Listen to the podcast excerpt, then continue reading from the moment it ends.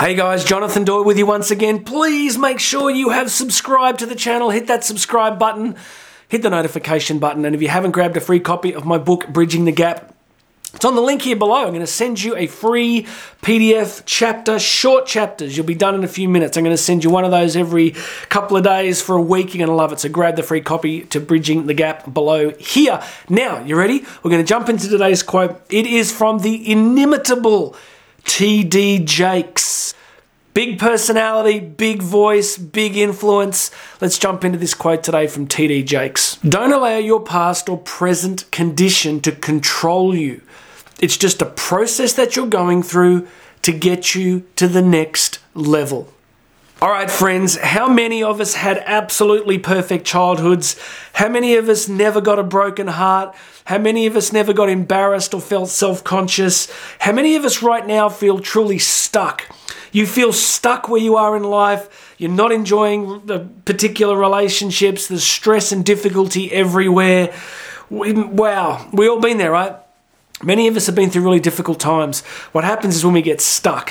What happens is when you're looking back at your childhood and you're creating an equation.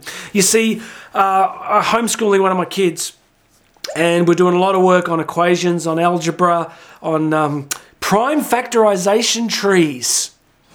It is proof that there is a heaven because, my gosh, hell is going to be a big room full of having to do prime factorization trees. But anyway, we're doing these equations, and it's like, you know, teaching her that this happens and this happens and this happens. For some of us, we run negative equations on our lives, especially on our past. We're like, well, this happened to me, and therefore I can never X. Okay, it's like algebra, right? It's like self destructive mind algebra. It's like, well, my father was never this, or my mother was never this, or this happened, or my parents divorced, or I saw this, and this person was an alcoholic, and this happened. I don't deny the reality of suffering, right? Most of us have been through some kind of pretty hard things at some time. Or maybe your equation is that you're running it right now. You're like, well, I'm stuck in this job, and the job is A, and this is B, and I'm never going to get to where I want to be.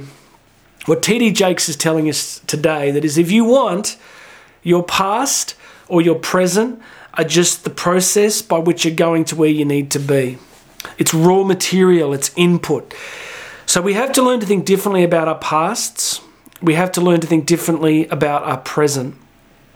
You know, for me with COVID uh, and all the shutdowns, a huge part of my career changed. And I did go through a season like many of you where you're just like, what do I do? What does this mean? And now I'm like, well, I felt that I lost a couple of years. But I'm starting to tell myself a better story, which is like, you know what? I don't ever want to have that experience of being non productive again. So maybe that experience, this equation is this happened, and it's happened because I want to try and create something different going forward. So I just want to encourage you today that no matter what you're facing or no matter what you've come from, you can restructure what it means.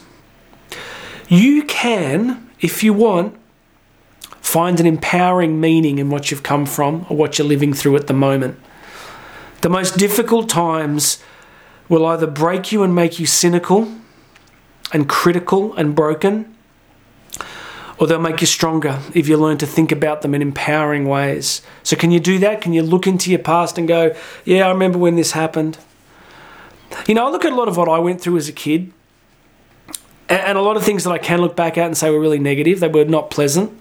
But now, as a father, and my kids are coming into their teens, and it's really cool because I find myself endlessly in conversations, particularly with my oldest daughter, just mapping out for her the dumb stuff that I did, thought, believed, or said, and coaching her as she goes through similar challenges. So, can you see how no matter what you've come through can be useful?